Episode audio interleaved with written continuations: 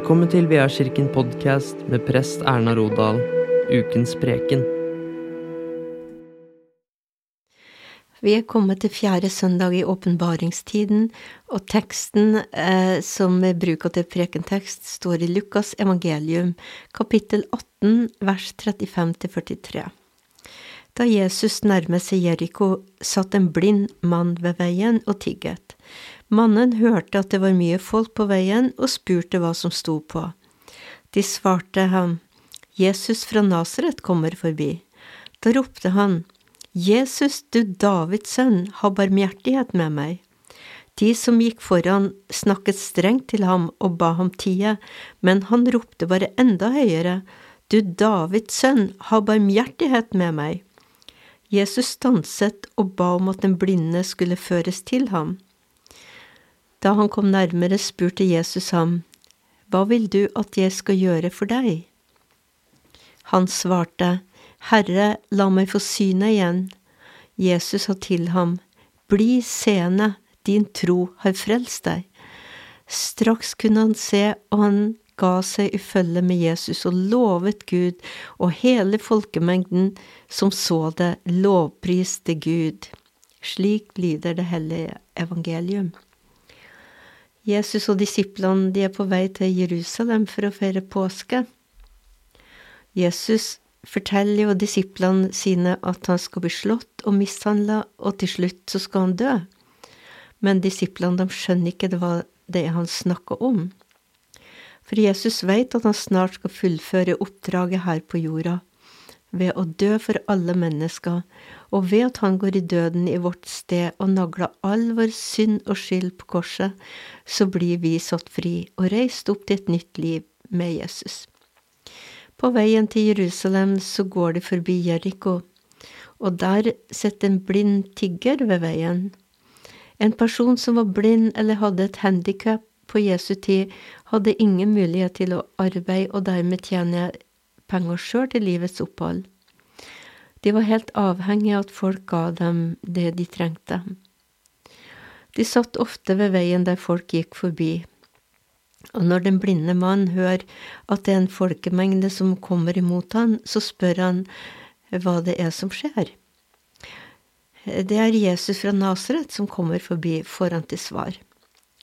Men den blinde mann har jo hørt om Jesus, og han har hørt om alle de undergjerningene som Jesus har gjort og han ser noen ting som mange seende ikke ser. Han skjønner at Jesus er Messias, Guds sønn. Derfor så ropte han, Jesus, du Davids sønn, ha barmhjertighet med meg. De som går foran i folkemengden, prøv å få den blinde til å tie stille, men han ropte bare enda høyere, Du Davids sønn, ha barmhjertighet med meg. Litt ironisk var det jo at han som var blind, gjenkjente hvem Jesus var, mens mange som kunne se, ikke gjorde det.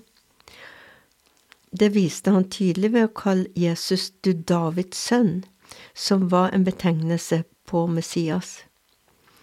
Når folket rundt han forsøkte å få han til å tie stille, ropte han bare enda høyere. Jesus, du Davids sønn, har barmhjertighet med meg et enda høyere rop om hjelp. Den blinde mann skjønte at her hadde han sitt livs største sjanse til å få synet igjen, og han ropte bare enda høyere. Enkelte gang så er nøden så stor at vi ikke kan tie stille, men rop så høyt vi bare kan på Gud.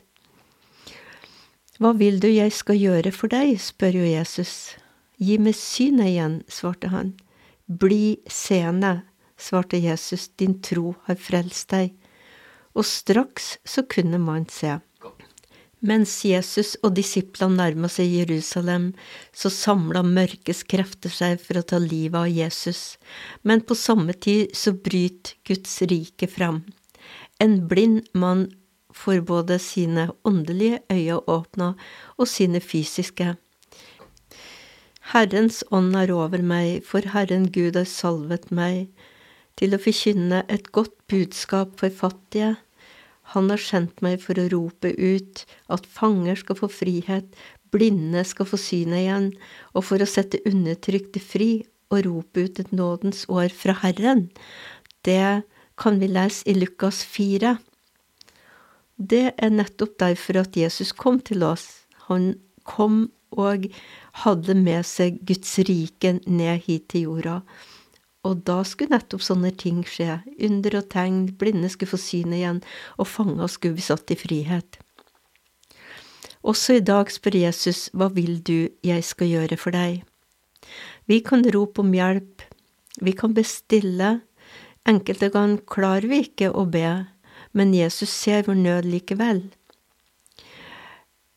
En gang for mange år siden så kom mannen min og jeg på tur og skulle besøke foreldrene mine. Det var en søndag. Det første som vi fikk se, det var jo den nye bilen som eh, pappa hadde kjøpt. Han var veldig stolt av den bilen. Det var en stor Ford Transit. Og fortalte da at de, eh, de skulle til byen neste dag og kjøpe inn, gjorde et sånt litt sånn større innkjøp. Og så ble det planlagt sånn at uh, mannen min skulle få lov til å være med da til byen, for han kunne hjelpes til med å, å bære inn uh, de sakene de skulle kjøpe. Da neste dag, når de sto opp for å kjøre til byen, så hadde det jo vært eh, frost om natta, og det var sånn litt eh, glatt på veien. Men de kjørte forsiktig imot byen. Da de kommer ned en liten slakk bakke med en liten sving nederst i bakken, så møter de på bussen som kommer i stor fart. Og bussen har forsleng og eh, treffer bilen deres og soper bare bilen av veien sånn at den trilla ned på marka nedfor veien. Mamma satt i baksetet, hun hadde ikke på bilbelte, for på den tida var det ikke vanlig at det var bilbelter i bilene i baksetet, det var bare i forsetene. Og hun fikk et knekk i ryggen, og det var veldig, veldig vondt, kunne fortelle. Det var akkurat som noen sto og kjørte kniver i ryggen hennes, og klarte nesten ikke å puste, så vondt var det. Og i det hele tatt, hun klarte ikke å tenke på at hun skulle be om hjelp. Men eh, ambulansen ble jo tilkalla, og den kom, og hun ble kjørt til sykehuset og lagt på i båra og kjørt inn et, eh, på et rom for å vente der til legene kom og skulle undersøke henne. Mens hun lå der med de smertene i ryggen, så ser hun plutselig noen ord som kommer til henne på veggen. Det var akkurat som et banner som rulla foran øynene hennes over, over veggen. Og der kommer Jesaja 53 til syne. For han ble såret for våre overtredelser, knust for våre misgjerninger. Straffen ble lagt på ham for at vi skulle ha fred, og ved hans sår har vi fått legedom. Og i det samme hun leser de ordene ved hans sår har vi fått legedom, så blir smertene helt borte. Hun kjente ingenting. Og når legen kommer inn og skal undersøke henne, så finner han heller ingenting, og det ble tatt røntgenbilde, og de kunne ikke se noen ting på røntgenbildene, og hun fikk reise hjem neste dag. Ofte så kan vi oppleve at eh, Jesus bare kommer til oss og er der med sin hjelp, selv om vi kanskje ikke har hatt mulighet til å be, men det har kanskje vært bare et lite sukk i hjertet eller så kan det være nødvendig at vi kanskje ber over lengre tid. Men når vi ber Gud om hjelp, så inviterer vi òg Gud inn i saken og i problemet.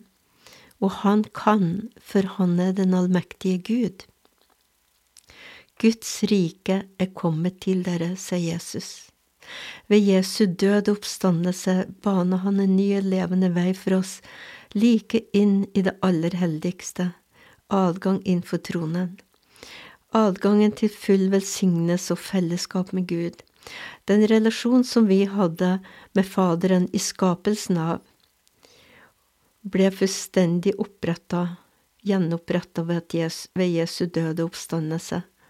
Den hadde jo blitt brutt en gang da vi var ulydige mot Gud, men ved troen på Jesus så får vi del i et nytt liv med Han. der fellesskapet er gjenoppretta med den levende Gud. Dere skal sette fanger fri. Men Jesus har også kalt oss til å gjøre de samme gjerningene som han gjorde. Han har kalt oss til å gå med Guds rike for han òg. I mitt navn skal dere, legge hendene på de syke, og de skal bli helbredet. Og i Hans mektige navn så kan vi be for andre òg. Det skjedde et skifte i verden da Gud kom ned til oss her på jorda. Ved Jesu døde oppstandelse ble mørkets makter overvunnet og en ny pakt med Gud oppretta. Ved tro, bare av nåde, så har vi fått et nytt liv sammen med Jesus. Og vi kan fortelle om det vi har sett og hørt, så enda flere finner veien til Gud. Vær frimodig, sier Jesus, jeg har overvunnet verden. Ære være Faderen og Sønnen og Den hellige ånd, som er, var og blir en sann Gud fra evighet og til evighet. Amen. Herren velsigne deg og bevare deg. Herren la sitt ansikt lyse over deg og være deg nådig. Herren løfte sitt ansikt mot deg og gir deg fred. Takk for at du lytta til VR kirkens podkast.